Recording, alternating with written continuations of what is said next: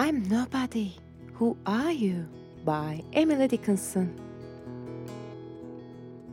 I'm nobody. Who are you? Are you nobody too? Then there's a pair of us. Don't tell.